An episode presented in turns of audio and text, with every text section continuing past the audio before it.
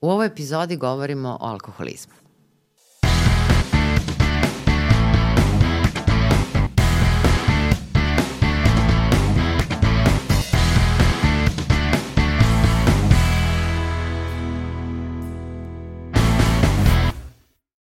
Drago mi Ivice da si ponovo gost dva i po psihijatra.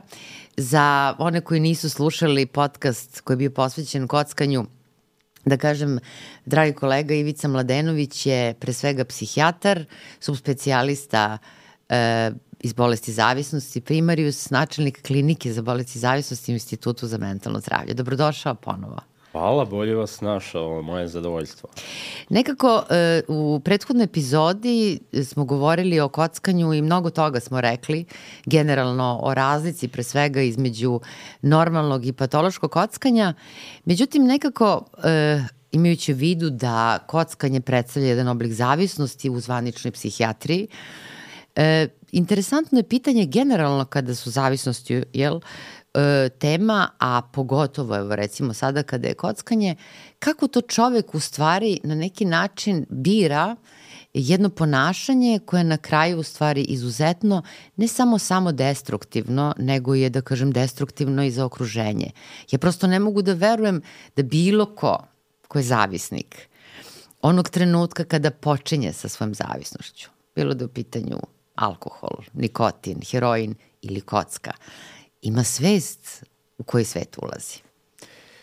Jeste, ovaj, postavlja se pitanje kad bi ljudi znali koje su sve posledice, da li bi ušli u tu priču, verovatno bi ušli, jer to je ona čuvena rečenica, neće valjda meni to da se desi, odnosno naša iskonska potreba da pobedimo sudbinu.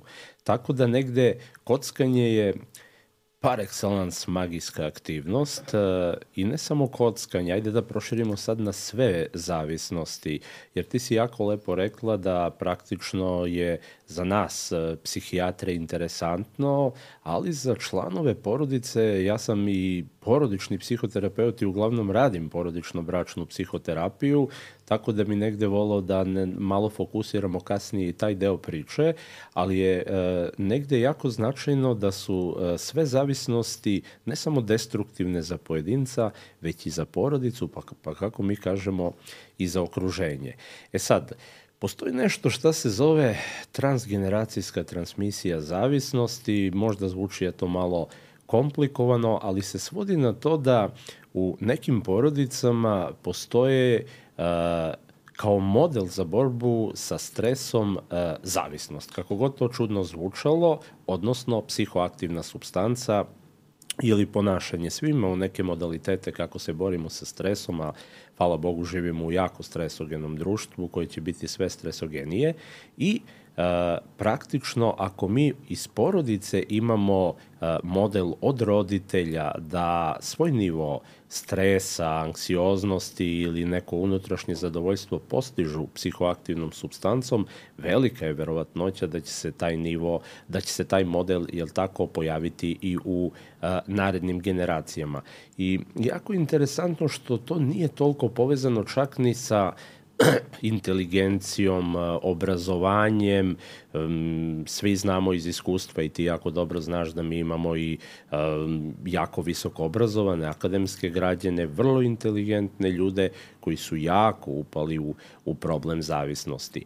Koji problem, koji vid uh, psihoaktivne substancije ili ponašanja se bira, uh, zavisi i od naše strukture ličnosti, zavisi od nečega šta je porodično nasledđe, ali i kulturološki aspekt je dosta blizak. E, tako da negde, recimo, čuvena ayahuasca koja je za nas egzotična, e, jel tako, substanca, je negde sasvim normalna u Amazoniji ili znamo da u Peru ljudi žvaću koku već desetinama, stotinama godina da bi pregurali taj dan, a praktično je to kod njih kulturološki jako prihvatljivo.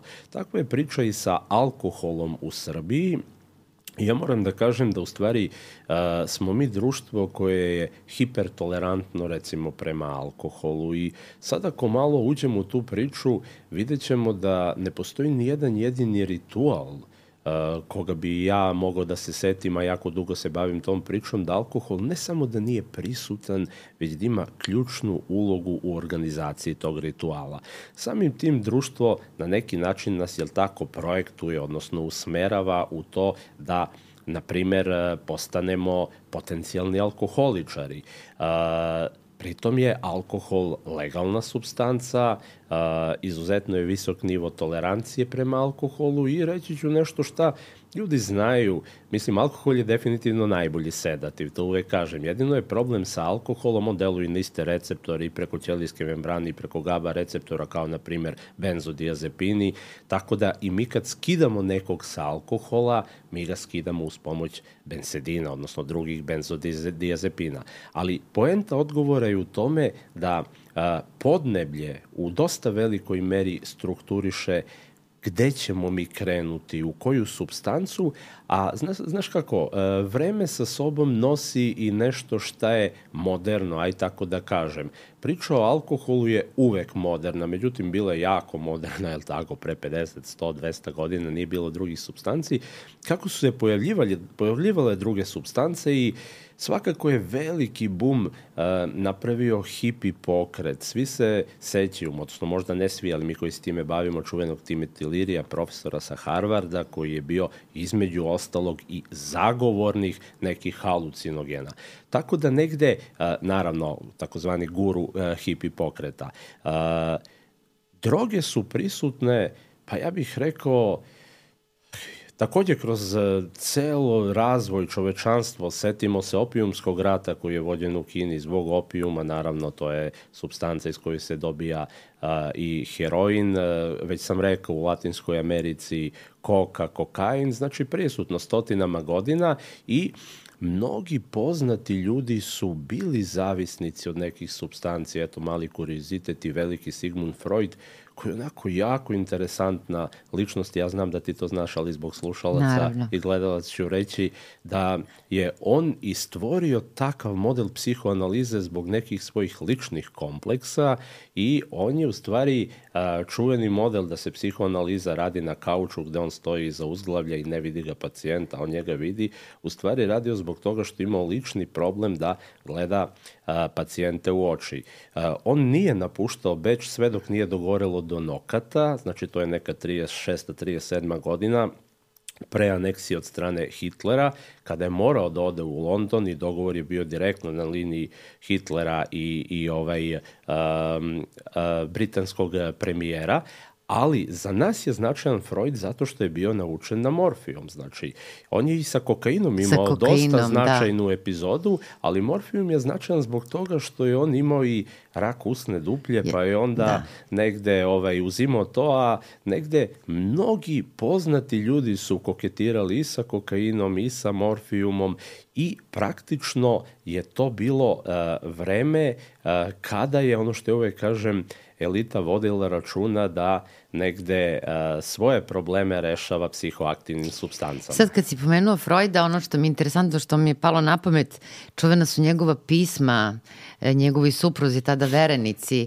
gde u stvari upravo uh, gratifikuje i glorifikuje kokain. Ovaj, naravno, kada ukucamo ime Sigmunda Freuda na internet, na Google će nam se uvijek pojaviti ona njegova čuvena fotografija sa cigaretom, odnosno sa tompusom, mada ja volim njegovu izjavu da cigareta nekad samo cigareta u kontekstu da ne moramo sve da Tako da tumačimo je. psihoanalitički. Ovaj, I zaista je tragično u stvari i završio, taj karcinom se negde i dovodi u vezu sa zloupotrebom substanci. A e, upravo sve ovo što si govorio budilo mi je naravno brojne asocijacije, jer ono što je činjenica to je da postoji pre svega jedno kulturološko obeležje, dakle različito favorizovanje različitih substanci u različitim sredinama, što kažeš u našoj sredini, alkohol je prosto deo rituala svakog, svake ceremonije, Tako rađenja je. deteta, Tako. rođendana, nove godine.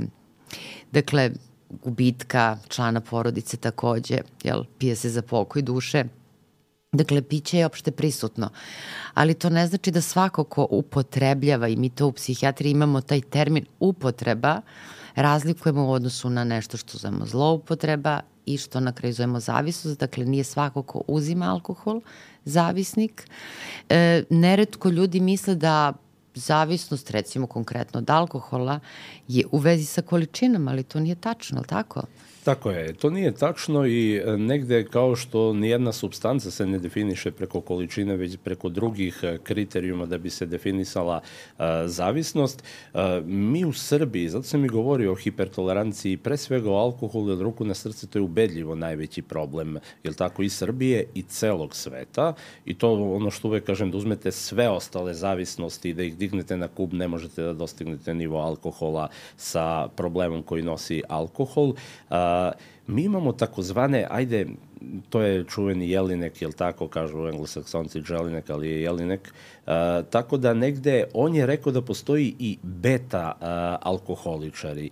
Uh, mi kada radimo edukaciju, mi alfa, sa beta, našim... Je, alfa, pet beta, gama, delta njegovih, i da, epsilon, epsilon jeste. Da. E, a, a, o čemu se radi? To su ljudi koji u stvari piju to što si upravo ti rekla. Jako mnogo, a u principu nemaju zavisnost. I to su ljudi koji piju kulturološki. Da.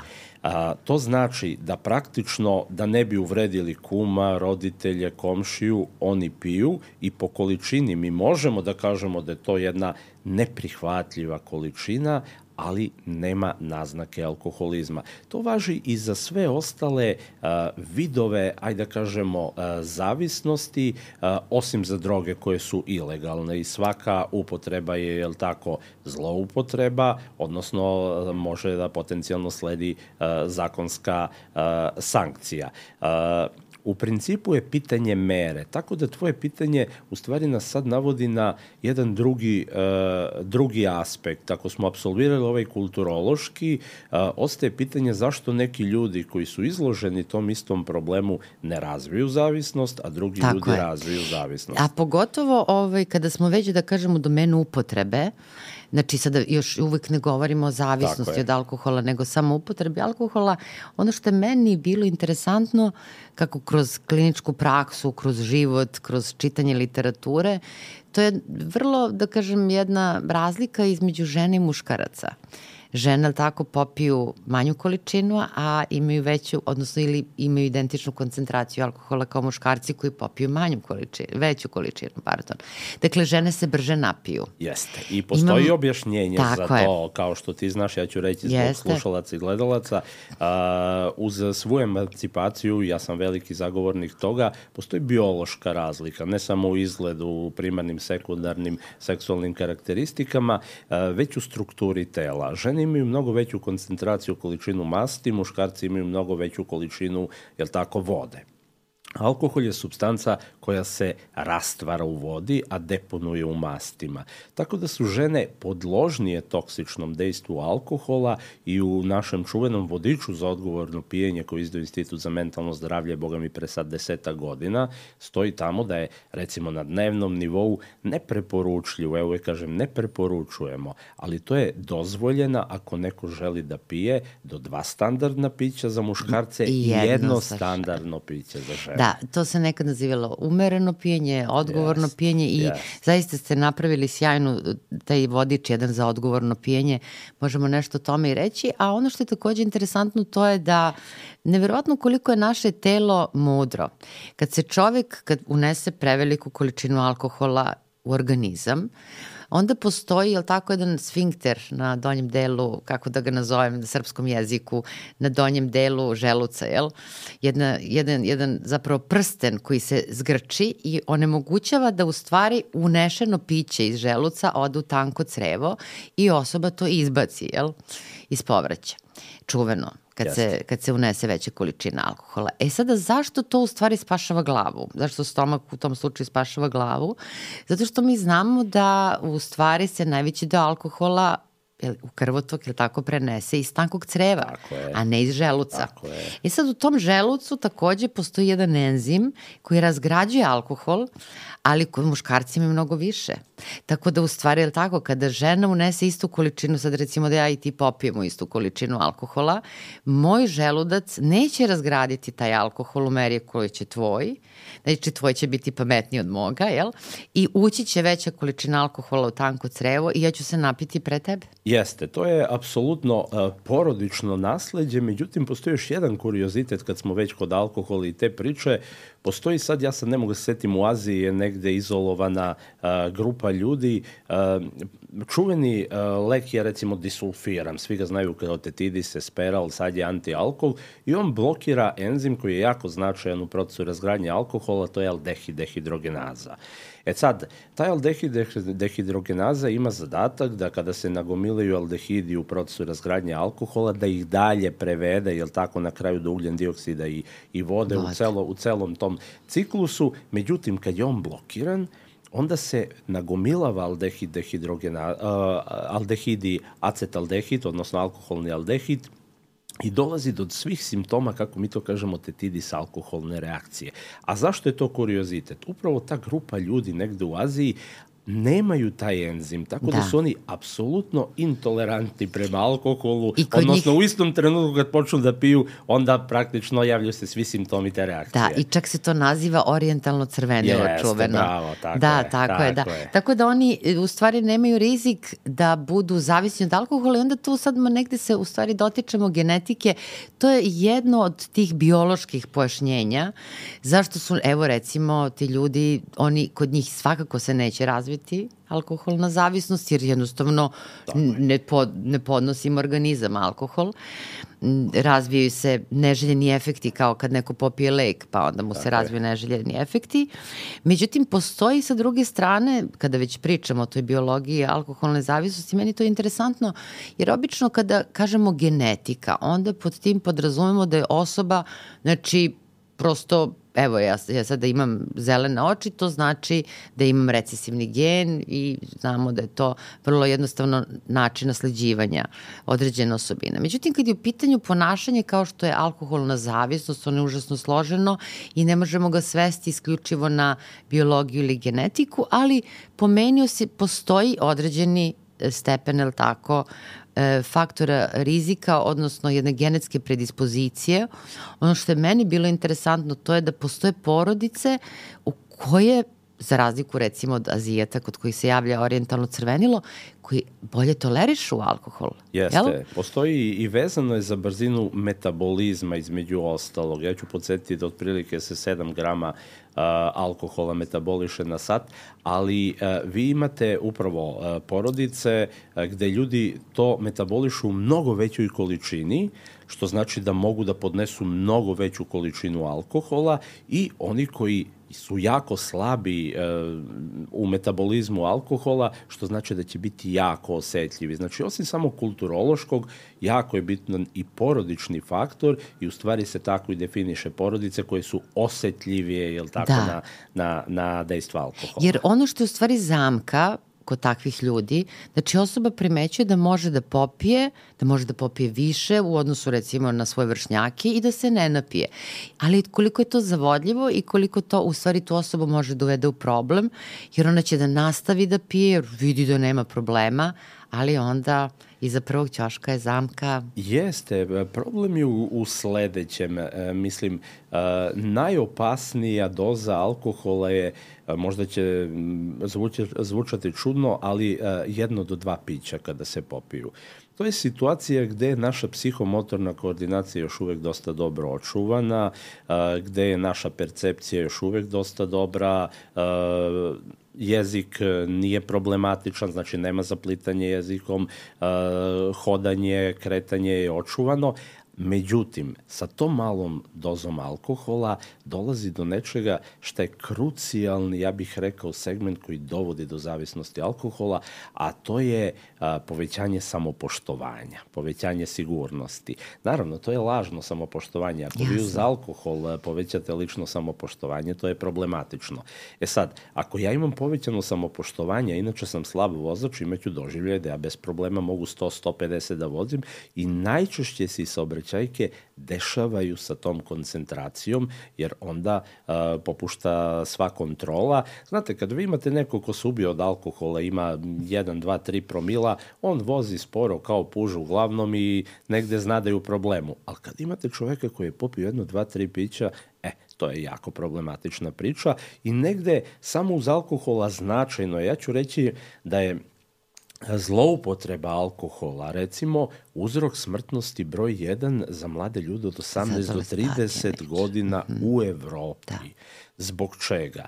Nije to alkoholizam. Znači, zloupotreba alkohola se razlikuje po sledećem što nemamo upravo te kriterijume za alkoholizam. To je tolerancija, povećana abstinencija, jel tako, za postavljanje drugih obaveza, žudnja, sad da ne nabrajam sve, ali e, poenta je u tome da e, su e, ti mladi ljudi, uglavnom ljudi koji, nažalost, imaju smrtni ishod zato što sednu za volan pod dejstvom alkohola i problematična je recimo i statistika u Srbiji. U Evropi se to popravlja i tu je dosta problematična, ali u Srbiji je apsolutno problematična, jer mi imamo e, neprihvatljivo mali broj dijagnoza F10.1, što bi po definiciji moralo da bude recimo i saobraćajka pod dejstvom da, alkohola. Da, da, da. A, zato je i ta statistika kod nas nešto drugačija nego na evropskom nivou, ali uzrok smrtnosti je, recimo, pod dejstvom alkohola se potuku momci pa dođe do smrtnog ishoda.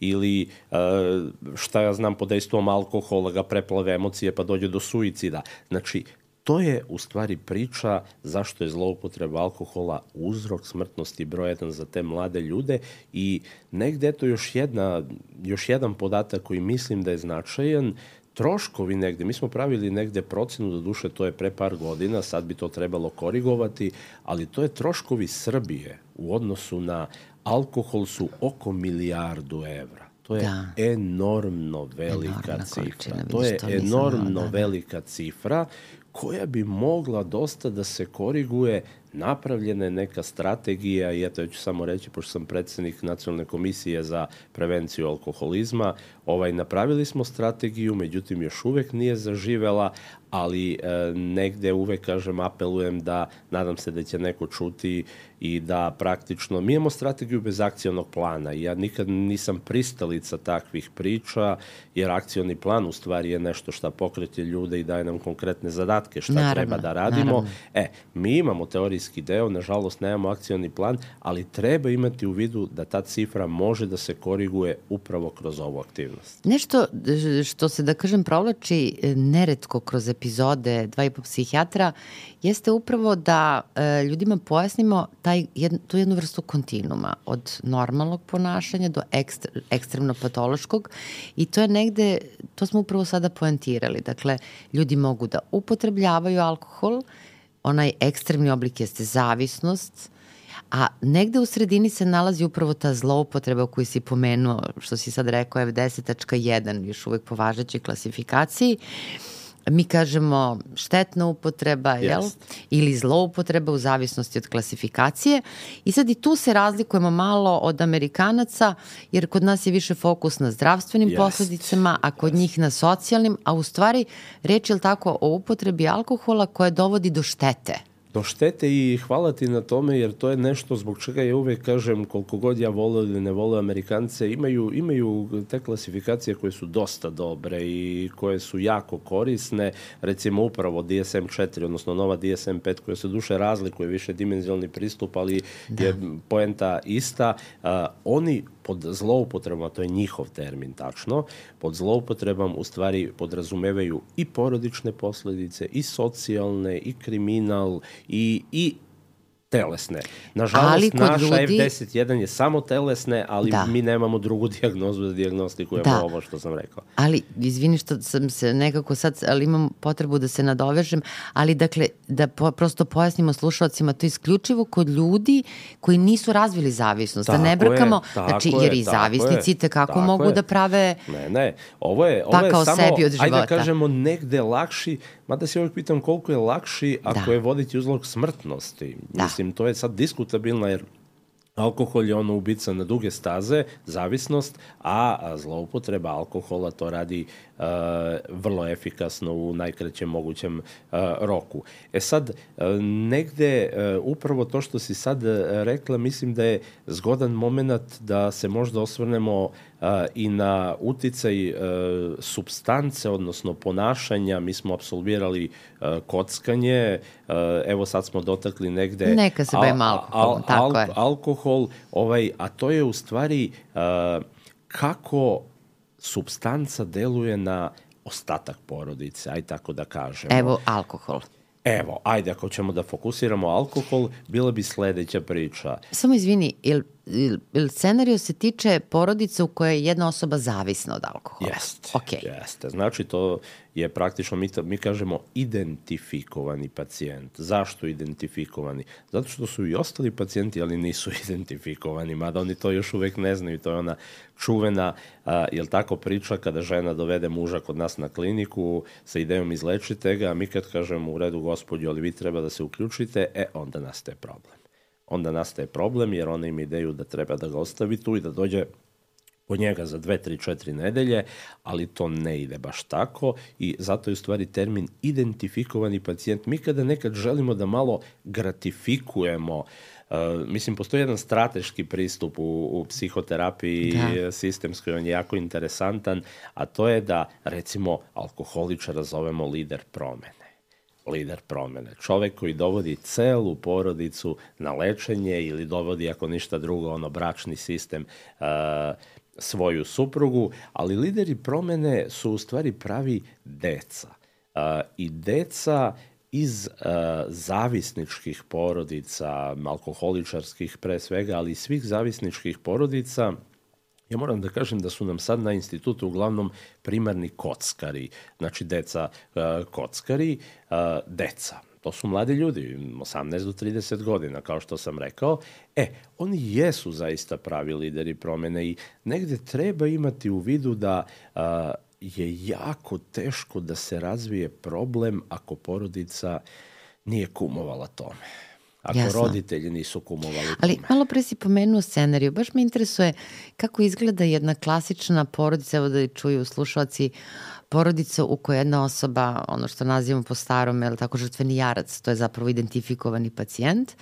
I članovi porodice, mislim u ovom slučaju alkoholni zavisnik, recimo scenariju da je to majka Kako to izgleda? U, Recimo, e, majka scenariju je, sa da? majkom nije baš uh, sveta, ovaj, da. tako da kažemo. Ali to se dešava. Zbog čega? Mm -hmm. Dešava se. Međutim, uh, Šta gledaj, ljudima, kada, da. kada dođe uh, muž alkoholičar, po definiciji dolazi žena. Kada dođe žena alkoholičar, po definiciji ne dolazi muž. A, tako.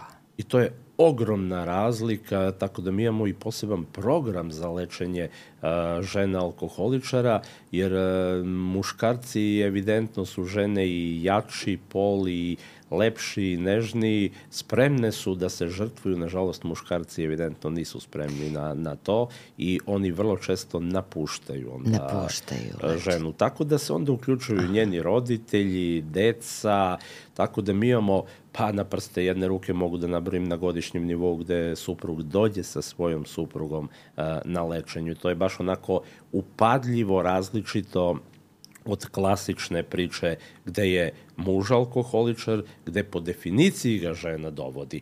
E sad, gledaj, mislim, kogod da je alkoholičar, mi imamo nešto što se zovu procesi prilagođavanja. Ti procesi prilagođavanja su jako interesantni, jer kako god lajci smatrali da je alkohol nešto šta rastura porodicu, naša osnovna premisa je da je alkohol nešto šta održava porodicu i da je praktično, to sa većinom substancija alkohol je onako baš klasičan primer e, i da praktično bez alkohola a, ta porodica se verovatno ne bi održala. E Zbog sad, čega? Eto, upravo sam htela da te pitam jer to ljudima može da zazvuči sada neobično. Yes. A sada ako možeš da pojasniš zašto. Evo, da. sad ću ja pojasniti. Postoji nekoliko teorija, one su nastale do duše u drugoj polovini 20. veka, ali su negde apsolutno održive i one u stvari uh, hipoteziraju uh, kako je psihičko zdravlje, aj tako da kažemo, stanje supružnika pre ulaska u brak. Pa imate teoriju da su žene, recimo, pošto je alkoholizam uglavnom vezan, ja ću reći, znaš, postoji sad tendencija, ko, ko što znaš, da sve više žena pije. Međutim, to je jako vezano za period mlade odrasle osobe. Recimo u adolescenciji dečaci mnogo više piju i znaš za najnovi istraživanje Batuta gde je recimo, da. što je za mene frapantno, mislim vratit ću se na temu, ali eto mala digresija, radi se o 16-godišnjacima. U tom istraživanju mi imamo 3% dečaka 16-godišnjaka koji piju svakodnevno. Da. E, to je jako veliki problem ako imamo u vidu da imaju 16 godina i da je alkohol za decu ispod 18 godina zabranjen u Srbiji ova deca piju svakodnevno. A, sa porastom broja godina, već sam rekao, negde devojke barabar piju sa momcima i to, to je poznato već poslednjih 20 30 godina. Međutim, posle 30. godine momci, odnosno muškarci, nastavljaju, a, žene negde stagniraju, verovatno zbog svoje odgovornosti, ulaze u posao, brak i negde po defaultu su po definiciji mnogo odgovornije i negde muškarci onda imaju apsolutni primat, a žene prelaze, ko što znamo, na sedative. I onda je ono što ja kažem u šali teško naći jednu žensku tašnju bez sedativa danas, ali to je u stvari opomena za društvo, jer živimo u ekstremno stresogenoj situaciji. Mate, e sad... smo, znaš ono da smo ranije govorili nekako da je alkoholizam kod muškaraca, da je depresivnost kod žena ekvivalent yes. alkoholizmu, da u stvari žene su sklonije uh, e, tom jednom, kako mi to kažemo, ruminativnom stilu, odnosno jednoj potrebi da stalno vrte određenu temu, da se preispituju, jel, da razmišljaju o nečemu, a muškarci su skloni eksternalizaciji, odnosno određenom obrazcu ponašanja, pa je to jedno tumačenja te razlike. Međutim, volila bih da se vratimo na ovu porodicu, e, jer mislim se da, da ljudi očekuju da čuju. Da. Značajno, da a, otkud to da je sad i žena pacijent i otkud to da mi imamo u stvari u jednom braku dve osobe sa ličnom psihopatologijom. A, neću reći dubokom, mada jedan poznati autor stalno kaže sa ličnom dubokom psihopatologijom. A, zbog čega? Zato što a, u fazi razvoja alkoholizma, a, kako mi kažemo, faze prilagođavanja. Prva faza je faza negiranja. Faza negiranja problema. Ko negira? Negira alkoholičar da ima problem, ali negira i supruga da postoji problem, naravno i cela porodica. Ta faza može da traje različito dugo, u zavisnosti kada je počeo alkohol. Ja ću podsjetiti samo da mi u principu imamo dva tipa alkoholizma u globalu. Možemo sada da mi da to seckamo dalje na sitna crevca, ali je. dva tipa su. Jedan je fiksirani, drugi je regresivni. Taj fiksirani alkoholizam je jako značajan jer se on manifestuje vrlo rano. On se manifestuje kod mladih momaka već recimo sa nekih 17-18 godina. To je onaj oblik onda, koji ima i gene, genetičku osnovu sa specifičnom na, strukturom ličnosti. Tako, tako i tu je struktura ličnosti da. u stvari dominantna da. i tu govorimo u stvari o jako naglašenoj strukturalnoj psihopatologiji. Tako. Znači to su momci koji još nisu u braku. Recimo. Još nisu u braku da. i oni dolaze kod nas na lečenje već sa 18, 19, 20 godina, prolaze prvo lečenje i nažalost, tu imamo onu priču o dualnoj dijagnozi gde praktično, pored alkoholizma, mi imamo i problem strukture antisocijalni. i antisocijalni vrlo često mm. poremećaj. Međutim, drugi tip je regresivni.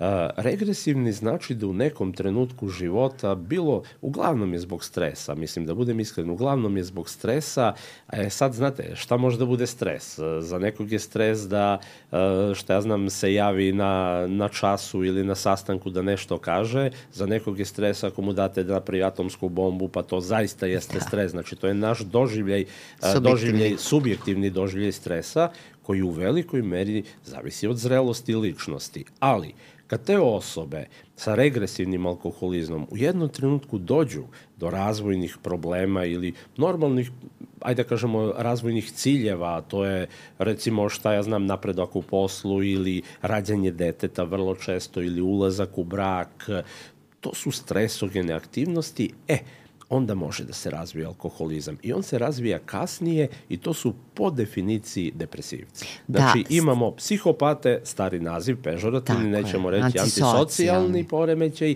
i depresivce. S tim što ovaj drugi oblik se nekako podjednako javlja kod muškaraca i žena, za razliku od prvog yes. koji je, tako, koji je dominantniji kod muškaraca. Jeste, i tu sad postoje podela da li je Kloninger ili bilo koji drugi autor, ili takozvani dionizijski apolonski tip alkoholizma, jel? Zavisi kako ga koji autor naziva. Međutim, ako krećemo od ovog scenarija ovog drugog oblika, koji se javlja tokom Jeste. bračne zajednice i sada ajde, ok, ajde, ajde da uzmemo da, za da primer... Da se vratimo na procese prilagođavanja. Tako i da se vratimo na znači, scenariju u kome, evo, ne mora žena, nego je otac alkoholni zavisnik. Ka kad oni dođu kod tebe, kako to izgleda? Pa to izgleda, kao što sam rekao malo čas, dođu, žena ga dovodi i nečesto kaže, evo ja sam dovela supruga na lečenje. Jel kaže? Kaže, znači to je negde vrlo česta rečenica i onako sva nadobudna i spremna da se maksimalno ona potrudi da se on izleči. Mm -hmm. Tako da naravno ja obavim e, prvi pregled i sve šta je potrebno sa samim zavisnikom, međutim kada uđemo u ovaj drugi deo priče, gde ja kažem jer Institut za mentalno zdravlje je vodeća kuća za porodičnu terapiju svih zavisnosti, a prevashodno smo prepoznati u lečenju alkoholizma i kockanja. Tako da negde, kada dođemo do drugog dela priče koji kaže koji kaže jeste, suprug je apsolutno alkoholičar, ali onda otvaramo dve stvari. Znaš, prvo pitanje je, dođemo do toga da je suprug alkoholičar već 10 godina ili 15, a da su oni u braku recimo tih desetak 15 godina. Pa se onda postavlja pitanje, a šta smo čekali do sad, tih 10-15 godina, jer ona, druga rečenica supruge na moje pitanje koliko vam dugo smeta, pa smeta mi 10-15 godina. Međutim, po pravilu ništa nisu preduzimale umeđu vremenu. Zašto? E, e zbog dolazimo. dobiti. Da. Dolazimo do druge krucijalne stavke, a to su dobiti. A ko je dobiti... to dobit žene? Koja čak možda i ona nije svesna u potpunosti, a postoji i onda kad je vi konfrontirate, negde prvo joj ne bude baš prijatno, jel? Jeste i mm -hmm. nesvesna, jer to su u principu mehanizmi odbrane i oni su tako lepo upakovani da on ima doživljaj da radi jedan jako značajan i veliki posao za porodicu i ruku na srce, to je iskreno tako s njihove da, strane, da. autentični doživljaj da oni rade veliku stvar za porodicu.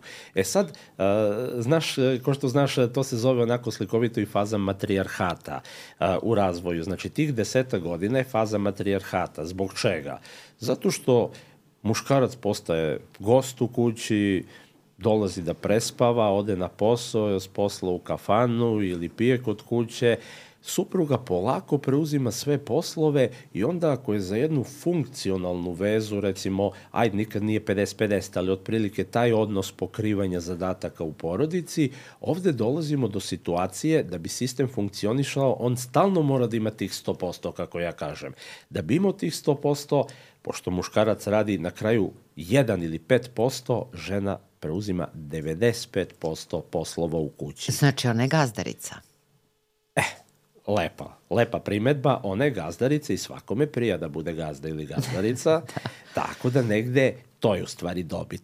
Dolazimo do toga da dobiti, bez obzira kako zvuče, imaju jedan debelo negativni predznak, jer ide iz naše opet e, strukture ličnosti, e, znaš kako, ne mora to da bude čak ni nešto šta je maliciozno, jer eh, taj neko ko želi da bude gazda ili gazdarica, to su obično nesigurni ljudi i negde imaju taj kompleks, uh, jel tako, više vrednosti, odnosno osjećaj niže vrednosti i uh, oni to mogu da budu jedino ako gazduju nad nekim ko je uh, takođe nesiguran u sebe i ko je problematičan u ponašanju. E, takav je alkoholičan. Ali da li, recimo, takve osobe imaju, one nemaju svest, one kada dođu kod tebe, mislim na supruge e, zavisnika, alkoholnih zavisnika, one mi doživlje da one pate, da su one ugrožene, da su žrtve.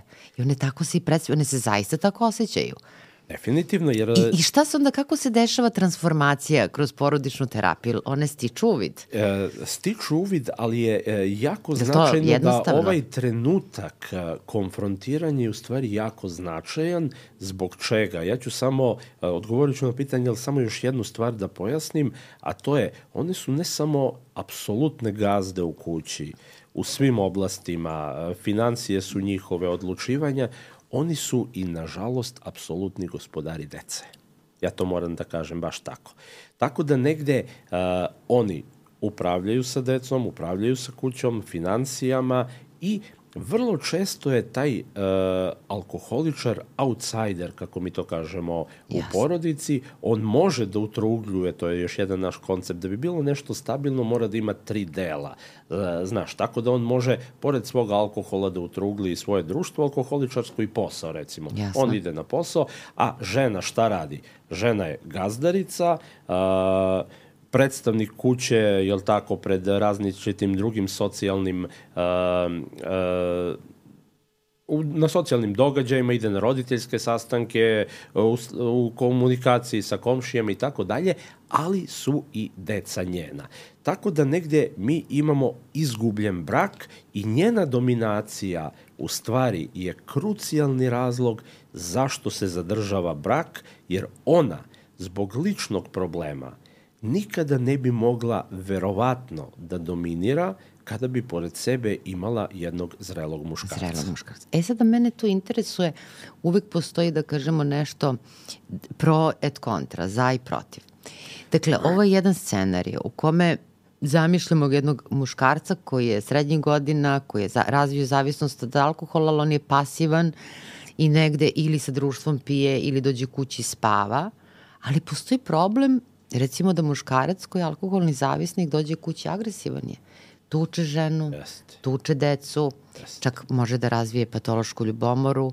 Ta patološka ljubomora može da ima i psihotičan kvalitet u smislu da nema se opravdanja i mislim da je poseban podcast potreban da pričamo Jest. o ljubomori, ali da se zadržimo na ovom scenariju da je vrlo, vrlo agresivan. Jest. I da ta žena i da ta deca doživljavaju ozbiljne traume. Šta tada? E, ali e, gledaj, tu I je, to je, taj tu je paradoks, naš da? kulturološki uticaj jako interesantan. Ja volim da pričam nešto šta se desilo u praksi pre par godina, možda ima 3-4 godine, znači ponavljam, nije pre 20-30, pre 3-4 godina, žena iz Beograda dolazi i ja uvek pitam upravo to, da li je suprug agresivan prema vama, nije. E, odgovor je kod nje bio, nije agresivan, doduše nekad je pijan, dobijem par šamara, ali ništa ozbiljno. E, to je u stvari doživljaj nečega šta je normalno. Da. Ona je normalizovala. Da. Međutim, zna, znaš gde je opasnost? Ne, nije ona sama normalizovala. Normalizovala je verovatno njena majka, njena porodica. Znači, ona to nosi kao nešto normalno i šta se uklapa u sliku a, braka u Srbiji u 21. veku. Da, to je za mene bilo fascinantno kada mi jedna pacijentkinja rekla za svog supruga, kaže, dobar je, ne tuče me. Prosto koliko je to, da kažem, prisutno i koliko žene i prikrivaju u stvari tu vrstu problema ili ovo sada što si rekao mi je još više zaparalo jako, uši? Jako, pogotovo kad se radi o sredovečnim ljudima, da. to je jako prisutno. Um, ove mlađe generacije sad vrlo brzo razrešavaju tu priču i negde E, kako da kažem, s jedne strane ja to podržavam, mislim, agresija ne sme da postoji. Međutim, problem e, u današnje vreme, ajde malo ću proširiti priču, je uh, problem nedovoljne spremnosti na kompromis, tako da, znaš kako, normalizuje se neke stvari koje u principu ne bi smele da se normalizuju. Ajde, neću da idem jako daleko, ali da. mislim, danas je normalizovan razvod. Znaš kako, mislim, u redu, to je pravo ljudi, nemam ja ništa protiv toga, ali prvo, zrela osoba mora debelo da razmisli koga će da ženi ili za koga će da se udaje. E onda kad se udaš i izrodiš decu, pa nije to sad stvar, e, sad ću ja da idem levo, desno, to ostavlja velike posledice. Mislim, znamo i ti i ja da je najveći strah deca u stvari strah da ne izgube roditelje. Apsolutno, ali znaš, sad si me asocirao kad sam svoje vremeno čitala nešto vezano za kulturnu istoriju Starog Rima.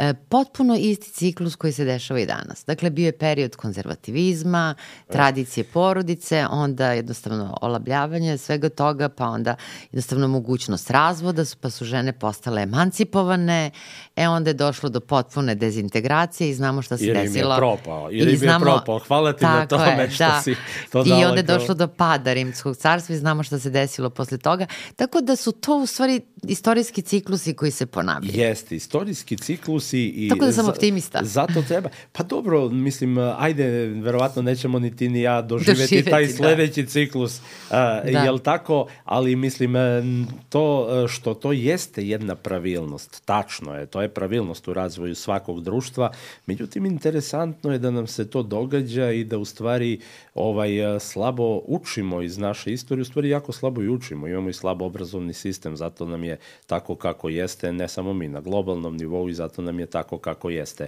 E, zato je u stvari ona društva koje imaju još uvek naglašen religiozni aspekt su Duhovni. naravno Tako je. Tako je. osuđena na napredak. Mislim, to kako god izgledalo, može neko da kaže i da je to diktat religije, da su negde ljudska prava negde poništena, što činjenice u dobroj meri jeste, ali treba birati između dva zla. Znaš kako, ja se ograničavam odmah zato što ne znam, nemam tolika saznanja o nekim drugim kulturama osim ovoj našoj koje pripadamo. Uh, ali e, činjenica da kada sam boravila u Indiji bila sam fascinirana, išla sam na neki poslovni put i to u jedan grad na jugu Indije koji je više onako, da kažem, orijentisan ka upravo ovim novim IT tehnologijama.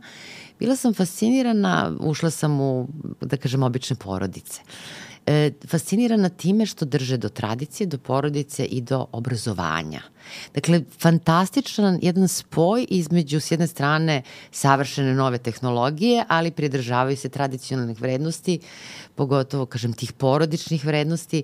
I onako stalno mi je e, pred očima lik jednog dečaka iz te porodice u kojoj sam bila, koji je držao neku figuru nekog svog božanstva, stvarno se ne razume mnogo ovaj, u hinduizam mm. konkretno, ali me asocirao recimo na moje ili tvoje detinstvo kad smo mi držali recimo figuru kralj, Kraljevića Marka Tako ili kako je. god.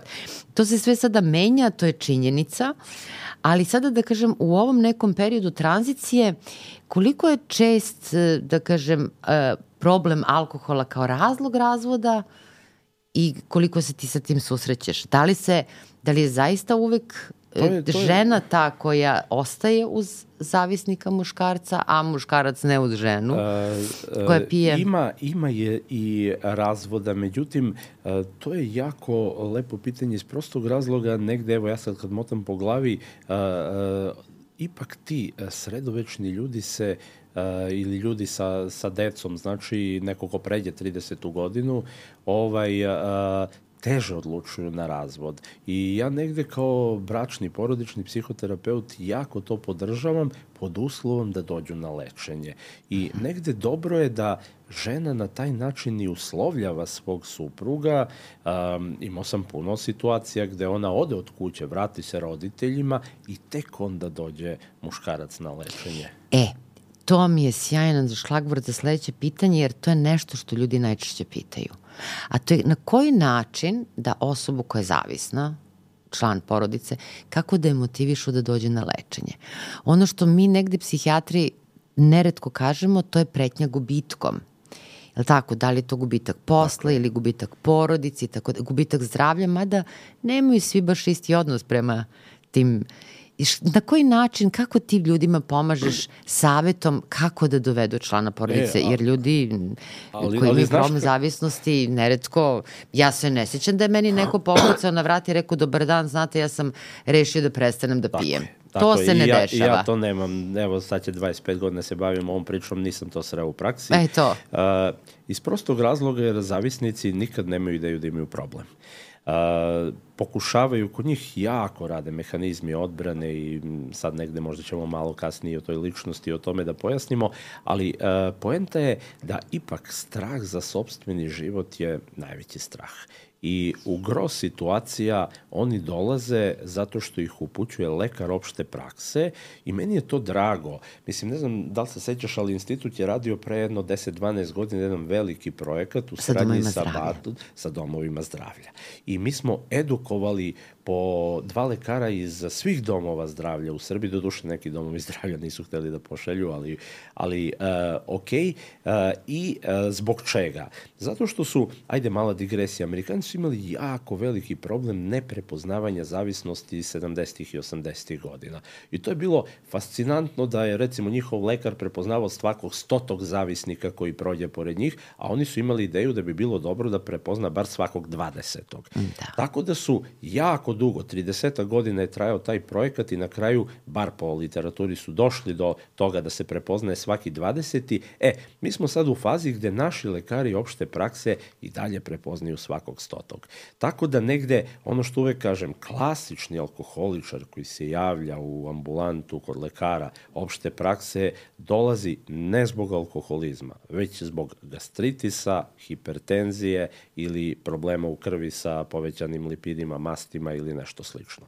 Znači, to su klasični razlozi zašto se javlja. Ali zato postoje neka vrlo jednostavna pitanja na osnovu kojih postoje. lekari mogu da postave diagnozu, mislim na lekare opšte medicine ili uopšte lekare koji se bave telesnim zdravljem, četiri jednostavna pitanja. Postoji čuveni cage, ali uh, pored toga mi smo insistirali sad na komisiji da ubacimo audit uh, i Da prosto on, pojasnimo ušao... slušalcima, to su instrumenti, screening, jeste, to su pitanja koje postavimo i na osnovu koji odredimo. Vrlo, vrlo su lako što ti rekao ili taj čuveni K4 pitanja jeste. ili autid na kome mi sad insistiramo koji je ušao. Ima 10 pitanja, ali zahteva nekih 5 minuta od Bukvalno. lekara opšte prakse, a jako je koristan. Ja Tako se je. nadam da će to biti uvedeno, ali upravo je strah za sobstveno zdravlje danas primarni motiv. Čisto malo radi ilustracije. Ja kad sam počinio da radim negde krajem 90-ih, odnosno početkom 2000. godine, i dalje su veliki sistemi uh, u Beogradu prevashodno slali svoje ljude na lečenje. I osnovni da. razlog je Firme. bio što firma šalje. Veruj da danas Eto, Znam. na prste jedne ruke mogu da nabrojim firme, to je Gradsko zelenilo, po neki iz GSP-a dođe ili gradska čistoća, inače svi ostali automatski, da se razumemo, to je grubo kršenje radne dužnosti, ima on mogućnost da mu da otkaz automatski, ali taj nivo ljudskosti, e, e, želja društva da pomogne, u stvari sad se pitam da uopšte društvo ima želju da pomogne i šta je u stvari društvo, ali e, eto, bukvalno prema našoj statistici sada gro dolazi, znaš zbog čega? Zbog suda, mere bezbednosti i centri mere za socijalni lečenja jeste, ili centar za socijalni centar rad. za socijalni rad. Da. Što u stvari govori da imamo sve više agresije. Znaš kako, ja se slažem da ranije možda agresija nije prepoznata, nije identifikovana, nije prijavljena, ali je definitivno porast stresa, a, a gde je stres, tu je i alkohol. Tako da, u stvari, odgovor na tvoje pitanje je da su uglavnom mere bezbednosti i centri za socijalni rad i dobro je što u dosta velikoj meri uh, deca dovode roditelje. Da, deca da. Dovode, dovode roditelje.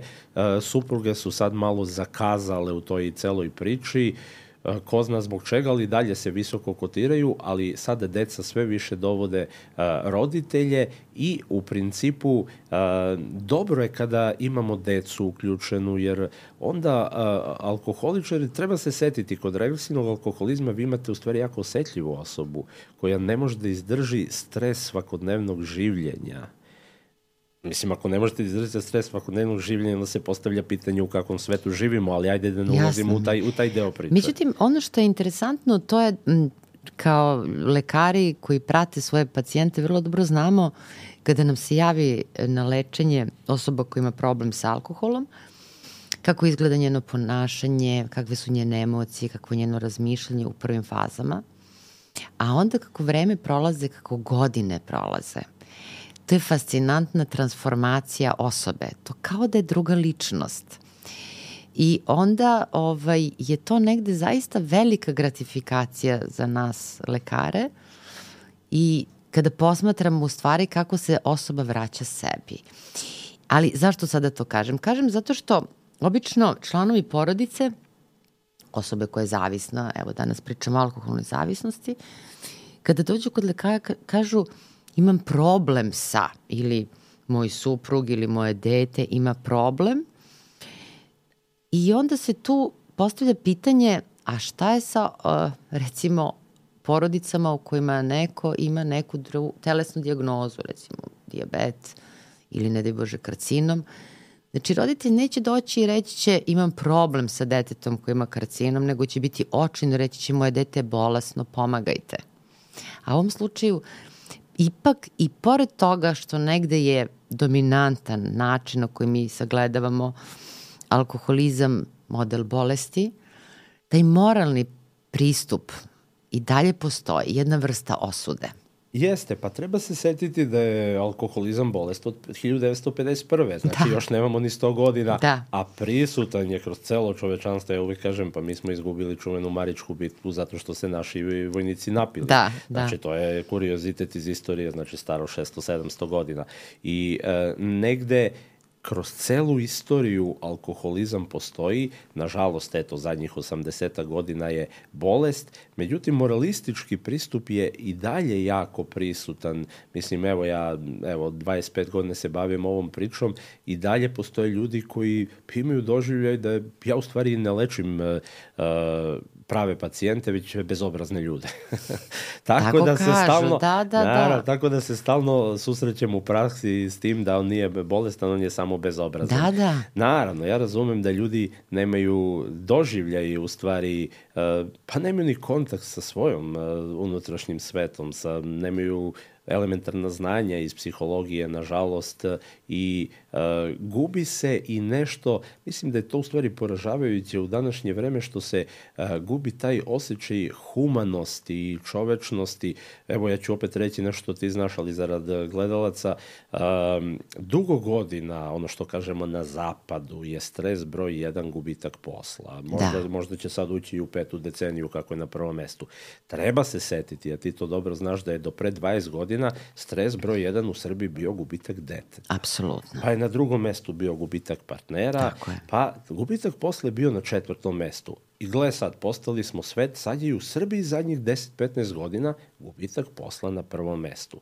Ako smo došli u situaciju da nešto šta je naše ljudsko pravo, da radimo neki posao, bude privilegija, onda smo mi kao društvo u jako velikom problemu, ali hoću da kažem koliko živimo u jednom otuđenom svetu, u jednom svetu, pa bilo je skoro na, na, na, na internetu i to je bilo u Srbiji, gde je čovek uh, pao, dalje bila neka povreda ili udarac i ljudi, najmojte držite reći, recimo je Kragujevac, ljudi mrtvi hladni prolaze pored njega, niko da stane da pomogne. E sad imamo dva nivoa priče. Prvi nivo priče je verovatno neću da se mešam ko zna o čemu se radi, šta ako meni bude. Znači, taj deo straha, ali mislim, to je fascinantno koliko smo izgubili osjećaj za drugoga i osjećaj humanosti. Samim tim, ona primetba tvoja jako lepa paralela sa rimskim carstvom, mislim da sad ulazimo u taj neki zenit i da negde to je, nažalost, ima projekciju e, kakvu ima. Bilo kako bilo, e, da se vratimo na ovu priču o e, našem alkoholu i da. porodici, porodica je u stvari jedina koja je danas suštinski zainteresovana da pomogne svom članu. Znači, Ali oni su je... nekada ivice nemoćni. Znaš, prosto ne mogu, pokušavaju na sve načine. I onda i mole i kleče i ucenjuju i kažu šta god razvršću se, otići ću, prete, plaču. Yes. I, I ko je to, šta, šta savetovati ljudima koji imaju takvu vrstu problema i jednostavno ne mogu člana porodice koji ima problem sa alkoholom da dovedu na lečenje? Znaš kako, mi Jer... za, zaista imamo negde, negde jako rezistentne alkoholičare, aj tako da kažem. Mislim, I, neće i, da dođu i, na lečenje, i, i to da. Su, I to su alkoholičari koji uh, u principu ovaj, uh, uh, su egoistični i koji nemaju, uh, ja sam malo čas rekao, uglavnom su to emotivne osobe, oni depresivci. Međutim, mi imamo i dosta visoko, aj tako da kažemo, organizovane uh, u smislu neosetljivosti. Naravno, tu je naglašen i narcistički uh, aspekt, gde jednostavno ni po koju cenu ne žele da dođu na lečenje. Da. Pa upravo to, i supruga uh, ide od kuće, pa se i razvedu. Mislim, znaš kako, ja mislim da u toj situaciji možda razvodi najbolji epilog, uh mhm. -huh. jer uh, ako neko ne želi da dođe na lečenje, onda se u stvari postavlja pitanje da li ćemo mi uh, žrtvovati svoj život i na kraju krajeva funkcionalnost uh, i budućnost uh, naše dece ili ćemo uzeti svoj život u svoje ruke i okrenuti drugi list. Znači, postoji takve, takve situacije i uh, negde, eto, ko što rekoh, mislim da je tu razvod uh, dobar, uh, dobar izbor. Međutim, u gros situacija, pogotovo ako su uključena deca, deca ili šira a, porodica, znači u 70-80% slučajeva mogu da motivišu. Ali je problem u Ali tome... znači motivacija ide kroz upravo uh, stavljanje akcenta na gubitak, znači da se negde osoba tako usmeri, da se malo možda i telesno pregleda. Ta, tako je i to je jako uh, lep strateški potez, kako mi kažemo, kada on vidi da, da ima oštećenje jetre, da ima povećane masti u krvi, holesterol, trigliceride, da praktično i šećer tu nije dobar, e, onda se oni uplaše za svoje zdravlje i onda su spremni da dođu. Da, s tim što ja znam da u nekim slučajima, sećam se jednog pacijenta to je bio baš ekstremni slučaj. Obično, znaš da ono kod žena postoji takozvani telepskoskopski fenomen koji podrazumeva da one brže razviju telesne komplikacije, su na muškarci, mhm. prosto su žene osetljivije. Mm na telesne komplikacije. Imala sam slučaj jednog pacijenta koji je imao ivice tek 30 godina i već cirozu jetre. Mm. Mislim, to je zaista onako za mene frapantan, sećam se, zaista onako jedna situacija, ne samo cirozu jetre, nego ozbiljno oštećenje drugih organa, tako mlad, a već razvio tolike komplikacije, ipak se one javljaju negde u petoj, šestoj deceniji. Međutim, sećam se jednog pacijenta koji pomenuo si negaciju. On je čak tokom bolničkog lečenja, naravno zbog problema sa alkoholom, i ozbiljnim telesnim komplikacijama. Oni čak negiraju te telesne komplikacije. Do koje mere mogu da negiraju čak i to? Jeste i negde ja moram da kažem iz uh, mog uh, iskustva iz prakse da mi imamo desetak posto pacijenata koji dođu na odeljenje, srede se telesne komplikacije par nedelja i onda nisu spremni dalje da idu u sređivanje sistema, već e, napuštaju lečenje i negde idu dalje. Da. Znači, oni su zaista u ogromnom otporu i uh, negde treba računati s tim da uh, i mi smo nemoćni u izvesnom broju situacija da, da to rešimo. Da, ali koliko je, da kažem, ljudska priroda različita. Sećam se jednog pacijenta koji m, dugo je odbio da dođe. Njegova sestričina je naša koleginica i zamolila me da ga primim i dogovorimo mi jedan utorak, on ne dođe, ona se izvinja, ja kažem ništa, samo je poenta da budemo uporni. I tako nekoliko puta ona dolazila, izvinjavala se što on nije došao i na kraju je došao. Ja ga pitam koji je razlog dolaska, kaže on došao sam zbog penzije. Ja kažem, jel postoji još neki drugi razlog? Kaže, pa eto, oni govore da malo pijem više, ali ja ne vidim problem u tome. Uspeli smo, na odelenje, naravno kroz vreme već znaš kako sve to ide, on je stekao uvid, shvatio da ima problem, uspostavio abstinenciju. I šta se desilo posle određenog vremena, on je dolazio redovno na kontrole, razvila se jedna onako slika depresivne epizode i ja sam njega primila na odelenje, ja ni dan danas ne mogu da pojasnim samo i sebi, prosto kao neki prst sudbine ili viši. Nešto se desilo prosto ne, neverovatno, a to je, on je bio na odelenju i išao je hodnikom i rekao mi je doktorka, mene boli grlo. Ja ne znam ni sama zašto ja sam njega uputila na otvorenu laringologiju, mm. pazi, mogla sam da mu dam mm. one neke bombone yes. malo za, yes. jel? On je otišao na pregled i konstatovali su da ima karcinom grla i to na jednom vrlo nezgodnom mestu za operaciju. E, on je prešao tamo, došla je opet ta njegova rođaka kod mene, pristao na neku operaciju, operisan je ta borba i ta želja za životom kod tog čoveka su bili fascinantni.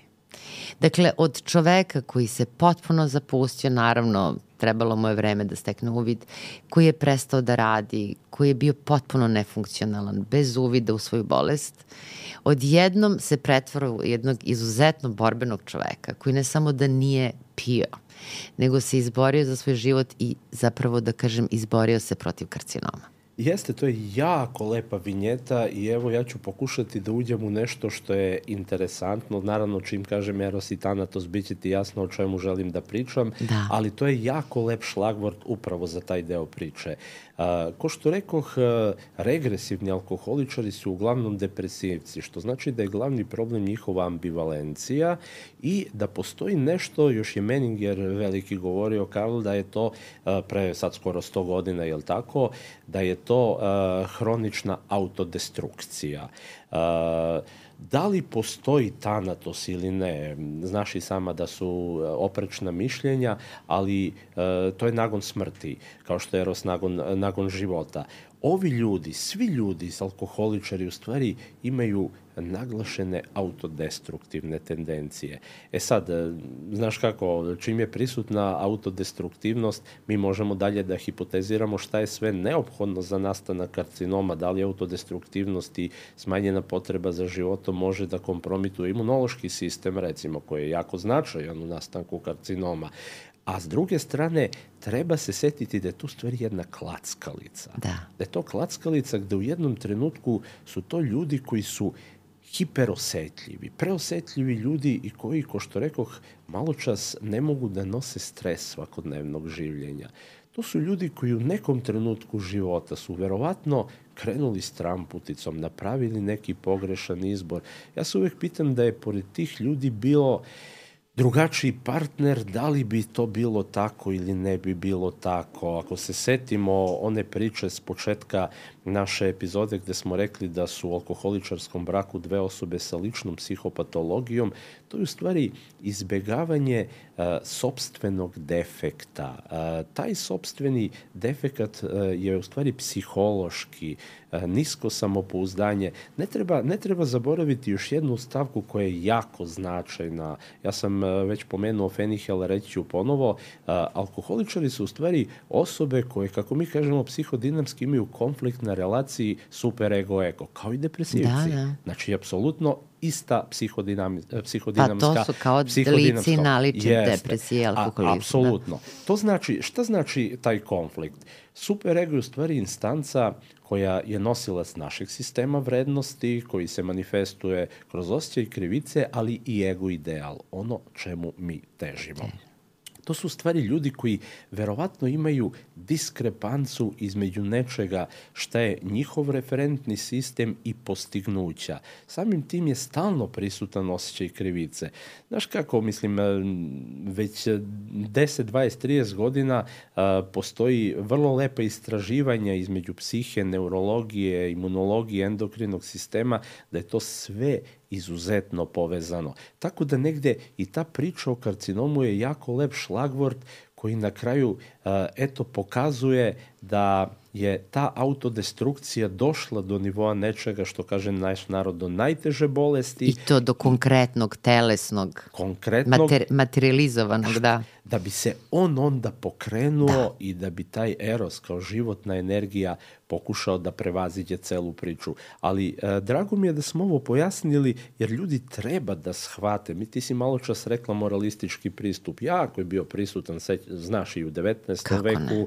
negde i u celoj psihijatriji, a pogotovo u adiktologiji je. je bilo izuzetno uh, naglašen i uh, moramo da vodimo računa Mislim, ako mi ove ljude gledamo kao bezobrazne ljude, mi smo u debelom problemu. Tako je. Znači, treba ih gledati kao osobe koje pate i da u stvari svo njihovo ponašanje koje nas vrlo često zna da iritira, da ga procenjujemo kroz prizmu moralnosti, su u stvari samo mehanizmi odbrane gde se oni trude da na neki način prežive još taj jedan dan da bi mogli da krenu sutra u novi dan. Upravo to, jer neverovatno je koliko kroz proces lečenja, naravno to lečenje traje godinama, e, koliko se menjaju. Ja se sećam jednog pacijenta koji mi je rekao, ja tek evo, ne znam, abstinirao je par godina, kaže, ja tek sada uh, uživam u svom detetu.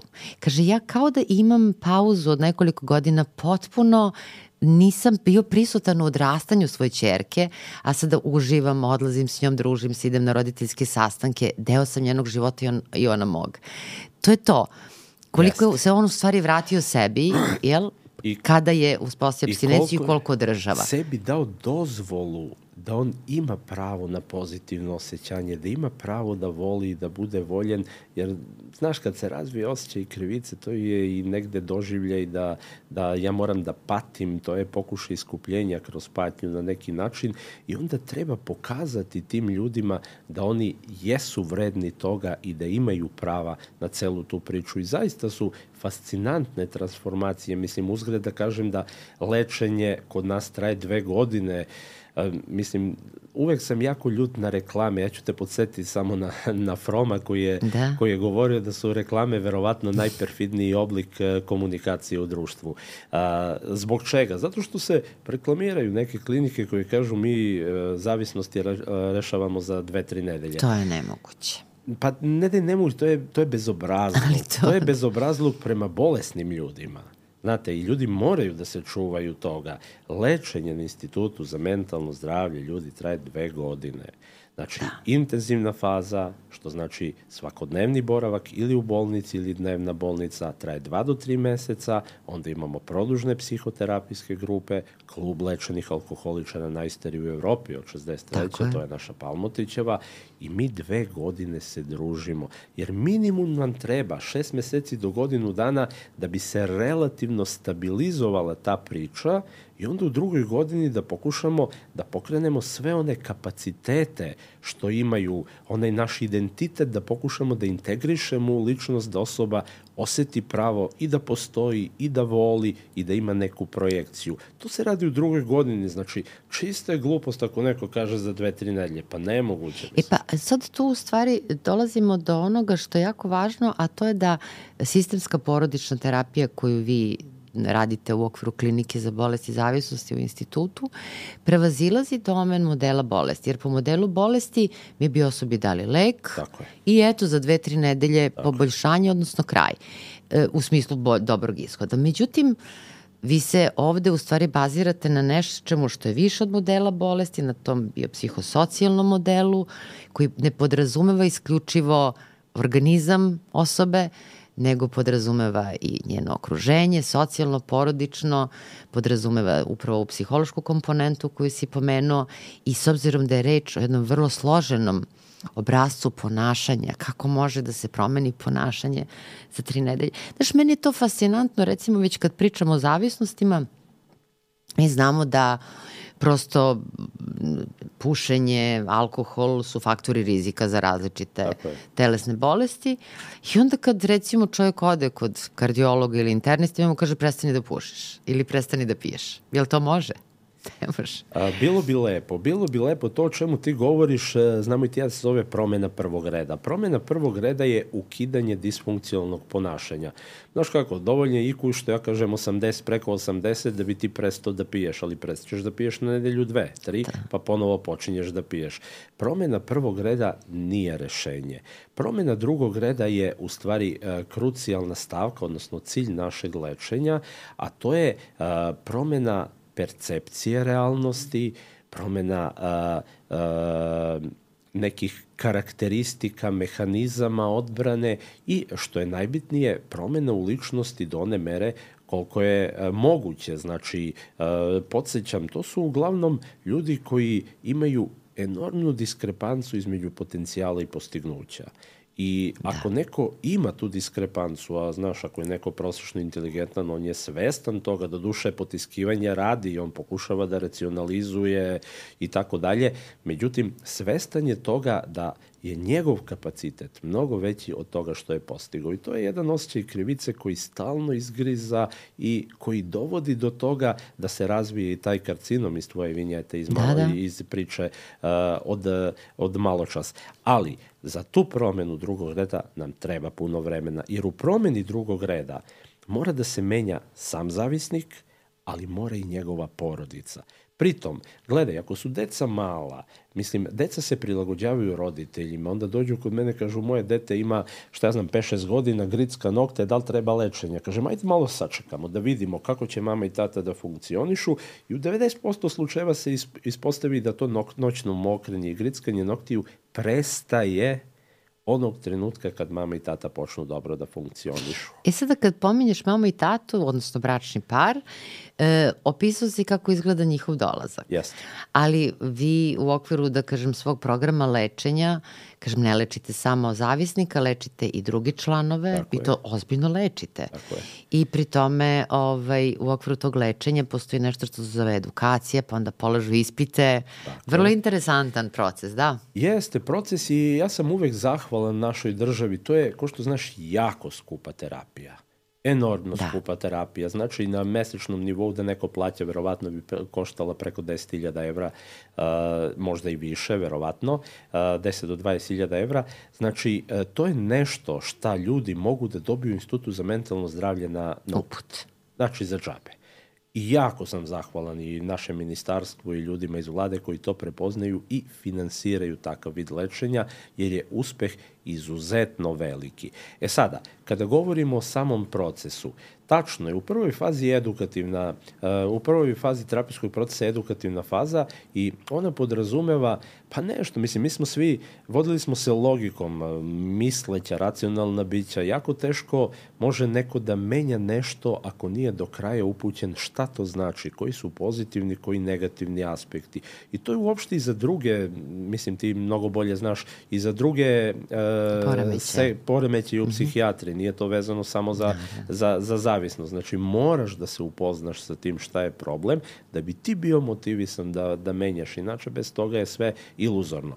Ta prva faza traje 3 do 4 nedelje i to je faza kada uče o bolesti. Dalje to alkoholizam, kockanje, internet, droge, tablete, znači sve to radimo i lečimo i u prvoj fazi se to uči. Međutim, to ima i drugu, ajde da kažemo, drugi razlog zašto je to stavljeno na početku.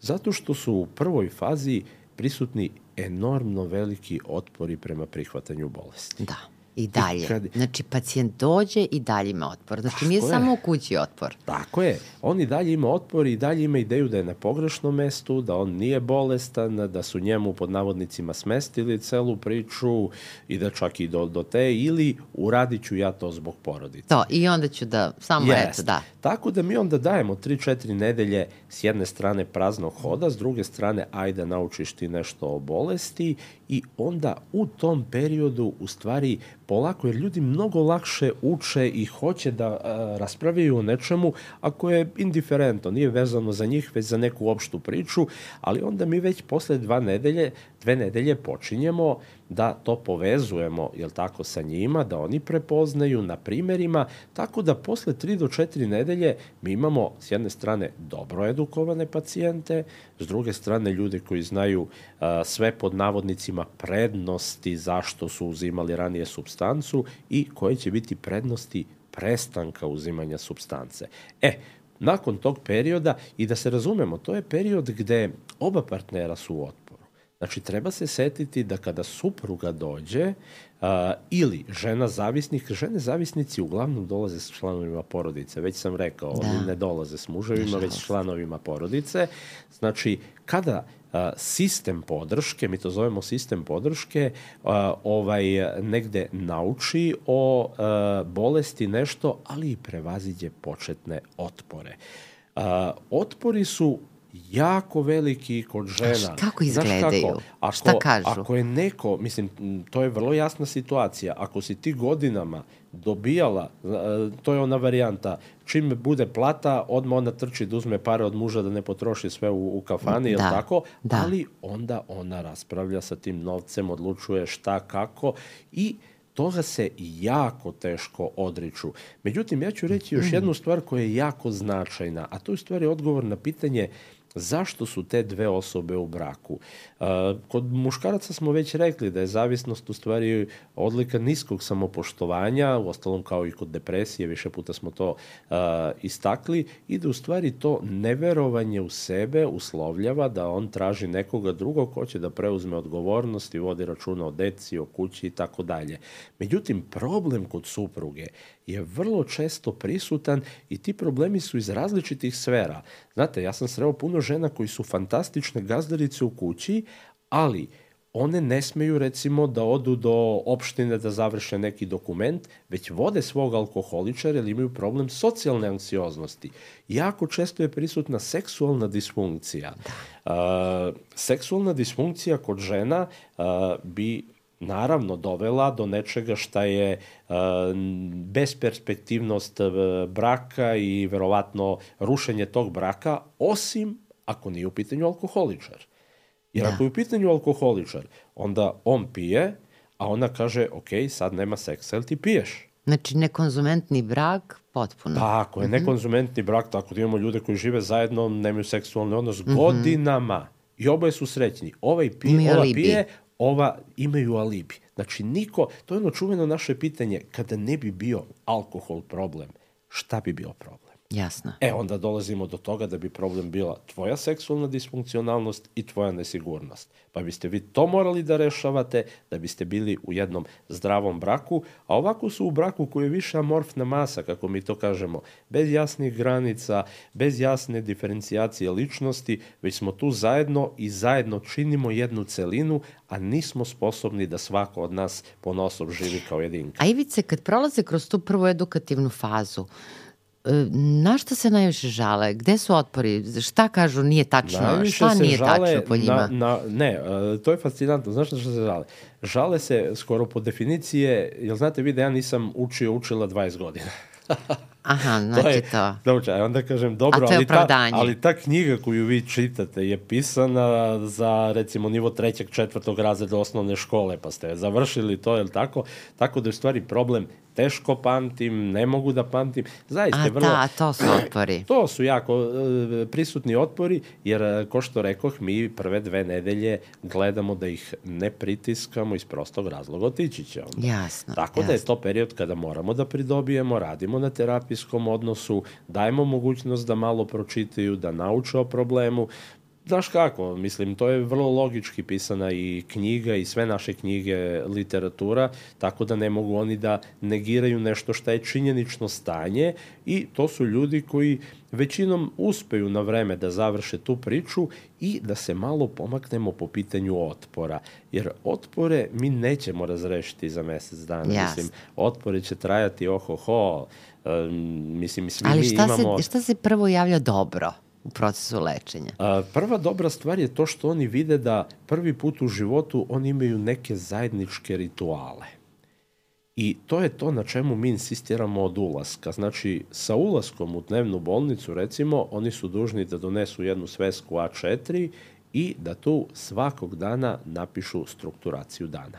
I oni su po definiciji uh, oduševljeni tim delom priče da sad posle sijaset godina opet sede zajedno popodne, piju kafu, zajedno imaju obroke i to je njima pokazatelj i deca, kada postoje deca, vrlo brzo reaguju na to. Znači, dobiju gratifikaciju za tu priču. Tako da ta neka funkcionalnost u nečemu šta su na izgled trivialne stvari ili suštinski značajne, bračno-porodične, se prvo vraća. I to je nešto šta u stvari njima bude taj početni vetar u leđa da su na dobrom mestu, jer nakon niz godina su oni uspeli zajedno da odu u bioskop, u pozorište, da popiju kafu, da izađu na limunadu, nebitnu u šetnju i to su benefiti koje oni vide. Da. To, ti benefiti se vide vrlo rano. Da prosto pojasnimo, dakle, dnevna bolnica okviru vaše klinike, dakle, bračni par, Jasne. dolazi... Ili cela porodica. Ili cela porodica, dolaze negde prepodne. Dolaze od 9 do 1. Od 9, od 9 do 1 svakog radnog dana. Naravno, to je priča za sebe, jer prva stvar u ambulanti kod mene je, jel vi znate da ja radim? Pa znamo, ali negde to je sad priča o prioritetima. E, tako je. Znači, ako je prioritet porodica i zdravlje, onda ćete odvojiti dva do tri meseca za vaše lečenje, jer oni naravno moraju u tom periodu da budu na bolovanju. Tako I je. dobro je da naš sistem prepoznaje to i daje mogućnost bolovanja, jer ponavljam, tu supruga nije pratilac, zdravi pratilac, kako se to kaže. Ona je kopacijent, kako mi to kažemo, i ona ima svoju dijagnozu. To su narušeni porodično-bračni odnosi.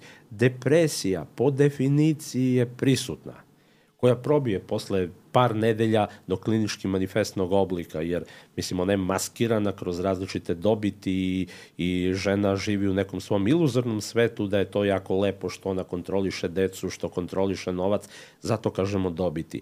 Dobiti su stvari najgora stvar iz prostog razloga jer one učvršćuju jedan disfunkcionalni Da, mislim da prosto pojasnimo da ta vrsta dobiti je ista kao što osoba koja je zavisna od alkohola misli da ima dobit od alkohola. Dakle, to nije dobit u pravom smislu te reči.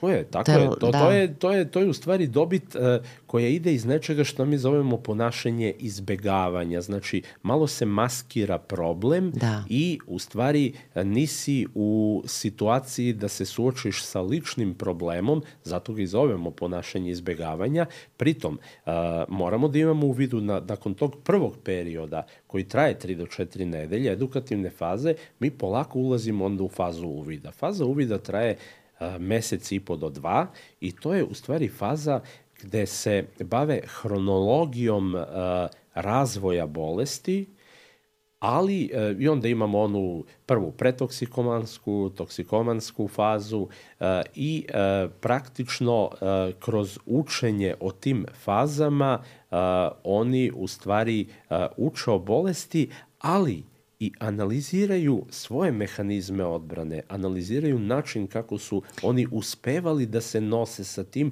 i kako su maskirali realnost. Znači u razgovoru s tobom i sa drugim kolegama, ali takođe i promišljajući o sebi i onda imaju neku vrstu predstavljanja. Imaju predstavljanja s tim što oni velika, imaju... mala, šta naš, su mala, šta evo, su velika, evo, evo, da. Sad, sad ću ti reći, uh, to je ceo tim stručnjaka, znači tu su osim nas psihijatara, psiholozi, socijalni radnici, medicinske sestre, specijalni pedagozi, znači ceo jedan kompleksan tim koji pokriva sve aspekte funkcionisanja porodice.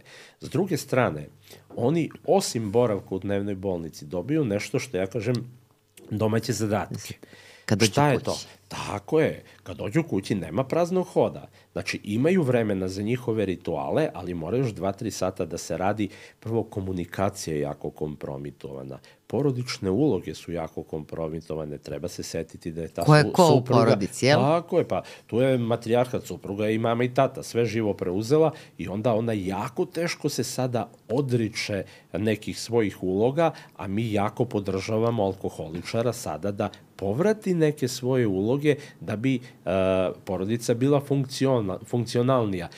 Komplikuje celu priču i to što su deca imala svoje dobiti Jer kada mama i tata ne funkcionišu, onda ja odem pitam mamu, mama ne da, odem pitam tatu, tata da i da, ok, da. onda ima prolaza. Ovako su oni funkcionalni i onda praktično je nemoguća varijanta da a, oni vozaju ili mamu ili tatu. Tako da svi su imali neke svoje dobiti i mi sada polako radimo na stvaranju funkcionalne porodice a, kroz proces učenja, sticanja uvida. Jako je bitan proces sticanja uvida.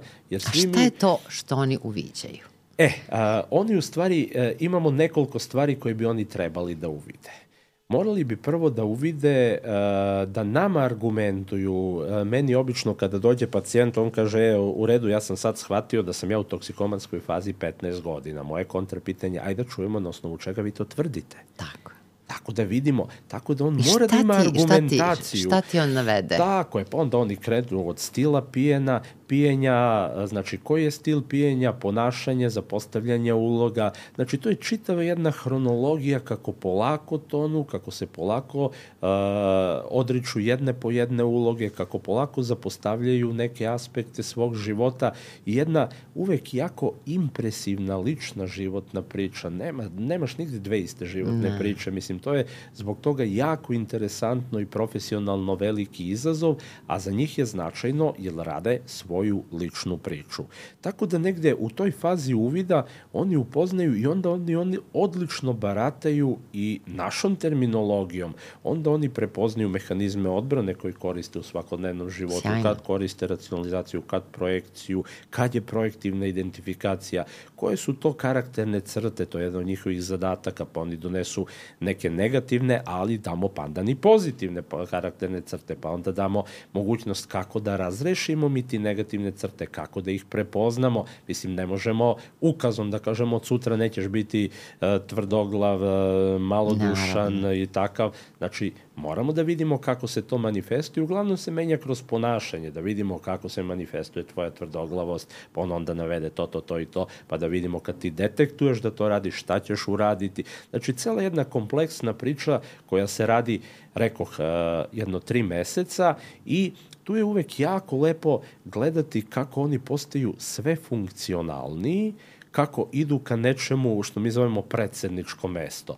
I onda im u jednom trenutku, u zadnje par nedelja, damo da budu predsednici terapijske zajednice, da preuzimaju neku odgovornost, da oni povedu računa o mlađim pacijentima. A lepo ste to si... nazvali, predsedničko mesto. Yes. Mislim, zato što u okviru terapijske zajednice, kao da kažem, jednog onako od elemenata tradicije, te socijalne yes. psihijatrije koje mi u institutu i tekako držimo i održavamo, jel?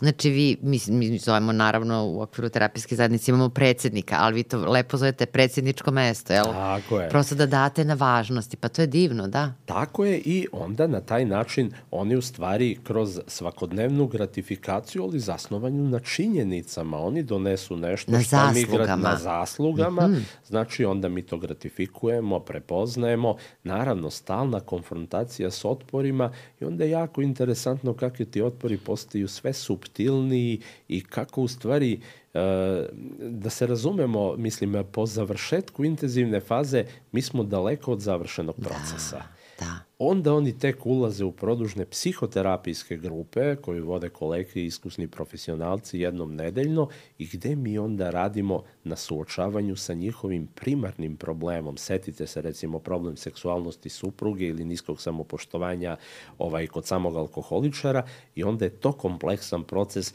koji mora da se odradi da on u susretu sa sledećim stresom ne bi ponovo skliznuo u mehanizam na koji je mozak već naviknut. naviknut. Nekako, Ivica, uvek doživljavam uh, lečenja alkoholne zavisnosti kao jednu vrstu slalomer. Kada oni izađu u život, kada se vrate, dakle, e, više sad to nije samo odnos između recimo muža koji je alkoholni zavisnik, naravno na lečenju i njegove supruge, tu su prijatelji, tu je društvo, tu je posao, svakodnevno prolaženje pored e, samousluge ili trafike u kojoj se nalazi alkohol, tu su slave, tu su rođendani.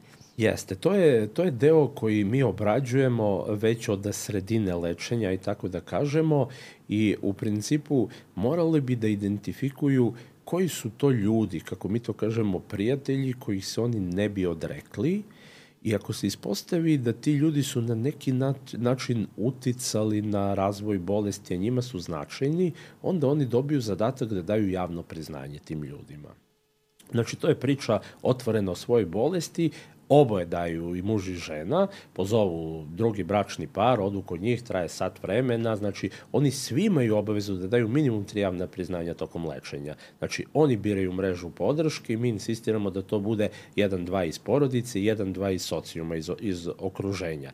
Znači to su ljudi koji bi trebali da budu, ajde da kažemo nekako, uh, oni koji procenjuju uh, koliko se menja ta osoba, jer je to jedna onda potpuno otvorena priča, Absolutno. sa empatijom, sa doživljem kada segnu jedan pre, preko puta drugu i on kaže, znaš ono kad ti nisam došao na slavu, nisam mogao da dođem, sam bio mrtav pijan, pa se to desilo, pa sam pretuko ženu ili šta ja znam.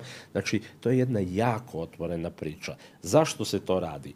Radi se da bi oni imali tu mrežu podrške, jer alkoholičari vrlo često znaju da budu marginalizovani, izbačeni iz različitih socijalnih e, grupa i u stvari postaju deo e, svoje socijalne grupe, drugih alkoholičari, to je jedina njihova socijalna grupa. Da. E sada, oni bi morali da prepoznaju ko su ti ljudi koji su za njih maligni, sa kojima više ne bi trebalo da imaju kontakta ili da se druže i da ih jednostavno a, odstrane iz svog okruženja. Kad kažeš maligni, da prosto pojasnimo, to su oni ljudi koji kažu, ajde, molim te, uzmi jednu čašu yes. alkohola, šta sad, zesi yes. se uplaši od svoje žene, jel? Baš tako, baš tako. Mm -hmm. I to je, upravo je to, to ta rečenica, ajde, mm -hmm. šta si sad ti svi pijemo, a ti sad nećeš da... Sad ti ko neka devojčica. Je, je, mm -hmm. e, upravo to. Tako da negde to je prvi deo priče koji mora da se odradi. Znači da oni kažu ko su ti prijatelji koje ja želim da zadržim uz javno priznanje, uh, ko su ljudi sa kojima sam i do sada imao relativno dobar odnos, a ko su ljudi sa kojima ja više ne želim da se družim, jer oni ostaju alkoholičari, a ja se menjam. Drugo pitanje je socijalni događaj. Treba imati u vidu da su označaja socijalni događaj sa specifičnom atmosferom. Uh, mala je verovatnoća da ćete kad prođete pored marketa sa, sa pićem da krizirate. Međutim, ogromna je verovatnoća ako odete uh, u kafić gde ste godinama išli i pili i tamo bude onaj raspored ljudi, onaj geštalt, znači raspored stolova i ljudi koji vas automatski, atmosfera. vaš atmosfera, koja vas automatski vaš mozak asocira na potrebu da popijete. E, onda se javlja kriziranje, koje neće odmah da bude kriziranje, ja sad sutra mora popijem. Biće prvo nervoza, pa će da dođe do svađe sa ženom, pa će biti impulsivno ponašanje, pa će u snovima da, da se javlja Tako je. kad sam ja bio pijan, pa mu se u snovima žena ljuti, pa mu se doktor Ivica Mladenović ljuti u snovima, pa je on crven jer je popio alkohol na esperal, e onda se javlja otvorena želja ako se tu ne prepozna, da pije, onda se javlja plan i u jednom trenutku najgore je ono kad postanu uh, izuzetno servilni. To je najgora situacija. To je meni znak da su oni u debeloj krizi, znači sve šta kažemo može, sve dok ima otpora to je dobro. Da. To znači, da. ok, vidim ja da je otporno. Kad postane servilan, eto je onda jedan veliki uzvičnik koji kaže sad moramo da budemo oprezni, jer ovaj je već odlučio da propije, samo se postavlja pitanje kad će. Da. Tako da negde naš zadatak je da uh, strukturišemo tu priču i da odradimo kroz koncept javnih priznanja uh, mrežu podrške, da pacijenti supruga, odnosno porodica, prepoznaju koji su to socijalni događaji koje bi trebalo izbegavati, koje su to mesta koje bi trebalo izbegavati i svakako treba napraviti jednu projekciju budućnosti na ličnom, socijalnom, i profesionalnom planu, znači jednu projekciju mi radimo do godinu dana, znači damo godišnji plan tim ljudima po mesecima, šta će oni raditi, koji postavljaju sebi ciljeve, da se eliminiše još jedan faktor koji je jako prisutan kod njih, to je faktor dosade. Da, a pre nego što pređemo na dosadu, mada neki autori kažu da u stvari ta dosada, e, kako je pacijenti opisuju, više u stvari je jedna vrsta disforije, jedna vrsta rađevog raspoloženja, tako da je pitanje da li, samo, da li je praznina ili je popunjena je. nekim lošim emocijama. Međutim, da se vratimo korak unazad, a to su upravo ovi događaji, Ono što, da kažem, iz nekog mog ličnog iskustva sam primetila, to je pogotovo u početku, da pacijenti imaju potrebu da kažu, ali ja baš želim da idem tamo da dokažem sebi da sam karakter.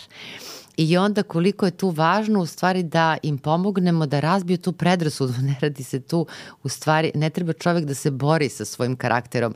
Zamisli se divice, recimo želimo da, eto, malo regulišemo ishranu, a odemo u restoran sa fantastičnom hranom, pošto bi sebe jeste, mučila. Jeste, apsolutno. S tim što to ima dve strane medalje. S jedne strane, ajde da kažemo, oni, oni možda zaista to žele, međutim, uvek postoji taj potisnuti deo da ću ja možda pokleknuti u toj situaciji da. i da ću se vratiti nečemu. Uh, oni jako, moram to da kažem, u prvoj fazi pate za tim što ostavljaju, što, tako. jer to imaju... Je gubit, to jeste jedna vrsta gubitka. To je veliki gubitak, jer uh, ako pođemo od toga da to stabilizuje njihov sistem, ali na jednom patološkom Naravno, nivou, na onda nivou. on opet bude na vetrometini i opet je u situaciji da se suočava sa realnošću, što je za njih u stvari najbolnija priča. Jer, znaš, koja mi je asocijacija, sećam se jednog pacijenta koji je dolazio i koji je stalno insistirao na tome da želi da ide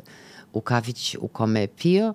I ja ga pitam jednom prilikom, da bih mu prvo objasnila zbog čega to ne treba da radi, kažem, dobro, vi sad pijete tu vašu kafu i kiselu vodu, a da li preko puta vas ko je sedeo? Sad on meni kaže, ne znam, sedeli su neki ljudi. Ja kažem, i šta su pili? Do detalja mi je pisao šta su pili. Ja kažem, ba šta su jeli? Kaže, ne znam.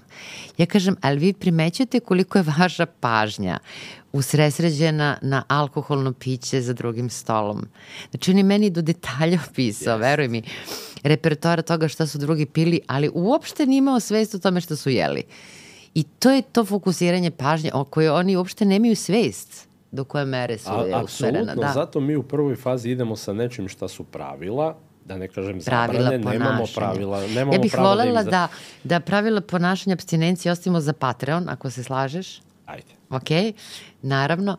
A nekako ovaj, ono što bih te pitala, evo polako da privodimo ovu epizodu kraju, e, ta neka završna faza koja u stvari podrazumeva taj klub, da pojasnimo slušalcima da klub lečenih alkoholnih zavisnika podrazumeva da tu postoje ljudi koji su koliko godina? Decenija? Jeste, i to mi zovemo sad porodični klub. On je nastao kao klub lečenih alkoholičara, međutim, boga mi, unazad 10 godina tu su ljudi koji imaju problem sa čitavim spektrom zavisnosti. Znači, to sad zovemo porodični klub Palmotićeva, zato što dolaze porodice, tu imamo puno alkoholičara, puno kockara, zavisnika, od sedativa, od uh, videoigrica, Znači, uh, jedan jako širok spektar, ali je poenta na porodici. Pa to je naš, evo ja neću reći kako se zove, ali naš počasni predsednik kluba, koga sam ja lečio kao mlad lekar, znači tu je sad 21. druga godina. Da, abstinira. Jeste. Pa fenomenalno. On je pravnik, da. živi sam